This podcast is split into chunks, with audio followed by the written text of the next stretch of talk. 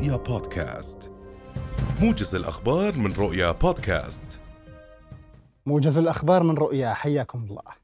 صرح مصدر عسكري مسؤول في القيادة العامة للقوات المسلحة الأردنية الجيش العربي عن مقتل وإصابة عدد من المهربين خلال الاشتباكات المستمرة ما بين قوات حرس الحدود الأردنية والمجموعات المسلحة على الحدود الشمالية منذ فجر الاثنين. وأكد المصدر أن التحقيقات الأولية لهذه العمليات والمضبوطات كشفت عن استهداف الأمن الوطني الأردني وأن القوات المسلحة تتابع تحركات المجموعات المسلحة وستقوم بكل ما يلزم لردعها وملاحقتها أينما كانت.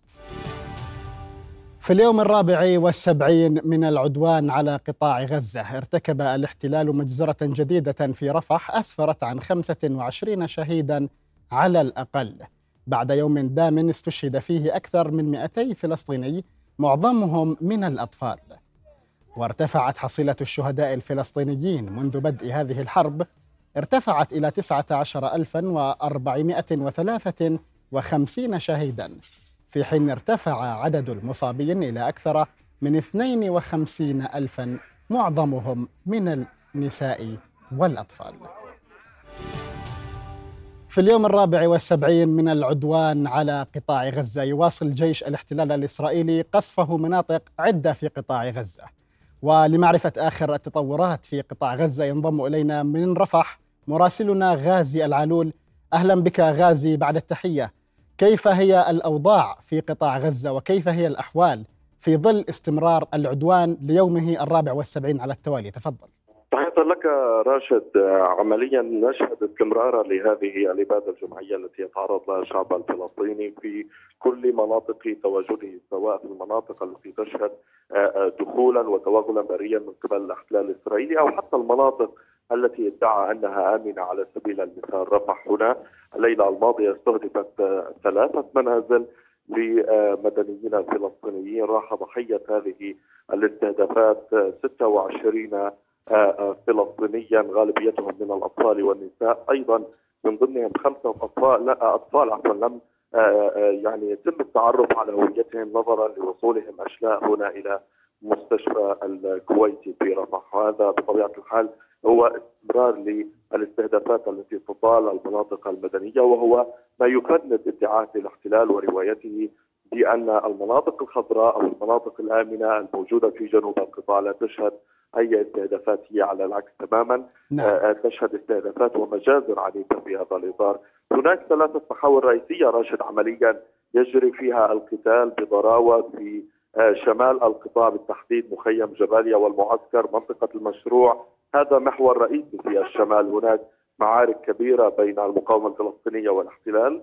في حي الشجاعية إلى الشرق من مدينة غزة هناك محاولات كر وفر من قبل قوات الاحتلال التي لم تتمكن حتى هذه اللحظة على الرغم من كل هذه الكثافة النارية من الدخول إلى عمق الحي والتمكن من ما تسميه تقويض قدرات المقاومة أو القضاء على الفلسطينيين المقاومين هناك. ويبقى المحور الثالث الرئيسي وهو مدينة خان يونس. هناك دخول من أكثر من جهة الجهة الغربية منطقة أبراج حمد المنطقة الشرقية المتعلقة ببني سهيلة معا البخاري وهي مناطق يهدف الاحتلال من خلالها للالتفاف حول مدينة خان يونس بعد تحذيرات قدمها لما يعرف بسكان منطقة البطن الثمين. وهذا يبدو واضحا أنه تكتيك يشبه تماما ما حدث في مدينة غزة. يريد الاحتلال الالتفاف من كل الجهات على مدينة خان يونس ووضعها في كماشة. لذلك يكون هناك كثافة نارية عنيفة من قبل سلاح جو الاحتلال الإسرائيلي الذي يقوم بإبادة مباني سكنية فوق رؤوس ساكنيها بصورة غير مسبوقة. نعم. هو يعرف تماما بأن الوقت أمامه بدأ ينفذ في تحقيق اهدافه غازي ماذا عن الأوضاع الإنسانية؟ كيف هي حال المستشفيات أو هو حال المستشفيات في قطاع غزة وتحديدا أوضاع النازحين في ظل هذه الأجواء الباردة؟ حدثني أكثر عن الأوضاع في ظل الاستمرار الهمجي والقصف العشوائي لقوات الاحتلال في اليوم الرابع والسبعين لهذه الحرب تفضل يعني للأسف راشد يعني مع استمرار هذه الحرب التي يعني يعني اغتالت عمليا كل مناحي الحياة في قطاع غزة، كل مناحي الحياة تدمرت، المنظومة الصحية انهارت في شمال القطاع نتيجة الاستمرار في استهداف المستشفيات، الاقتحامات التي تكون هناك، اعتقال الكادر الطبي، عدم إيصال الوقود إليها، عدم إيصال المستلزمات الطبية الحقيقية اللازمة لهذه المستشفيات. بالتالي عمليا هذه المنظومة انهارت تماما ولكن هي ربما تحاول المكابرة أو آه، دعني أسميها نعم. الذهاب نحو تضميد الجراح بأي طريقة كانت للمصابين، هذا الأمر قد يتكرر آه، آه، في شمال أو في جنوب القطاع كما حدث في شمال القطاع، كان هناك قبل يومين استهداف لمستشفى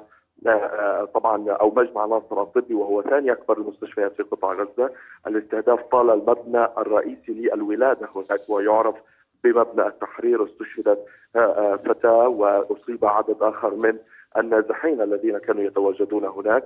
بطبيعة الحال أوضاع النازحين الآن باتت كارثية للغاية تزداد سوءا بمرور الوقت وهذا أمر آه، تحذر منه الصحة العالمية، منظمة الاطباء بلا حدود، وزارة الصحة، كل الجهات الحقوقية هنا في غزة العاملة تؤكد بأنه هناك ضرورة لإيقاف إطلاق النار وإنهاء هذه الحرب بالنظر إلى التوابع الكارثية التي بدنا نشهدها من انتشار للأمراض، تفشي للأوبئة بين الأطفال، عدم توفر السبل الحقيقية والأساسية للعيش الكريم للفلسطينيين، نتحدث عن رقم مهول نحو مليون وتسعمائة ألف نازح خرجوا من منازلهم باتوا نعم. يفترشون نعم. الطريق ويفترشون الخيام يعني غازي كل الشكر لك كنت معنا مباشرة من رفح بثت كتائب القسام مشهدا لمعارك جرت مع قوات الاحتلال الإسرائيلي في مدينة غزة تضمنت تدمير آليات ودبابات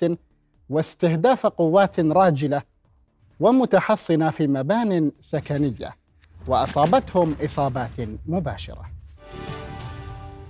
بهذا نكون قد وصلنا إلى نهاية هذا الموجز دمتم في أمان الله.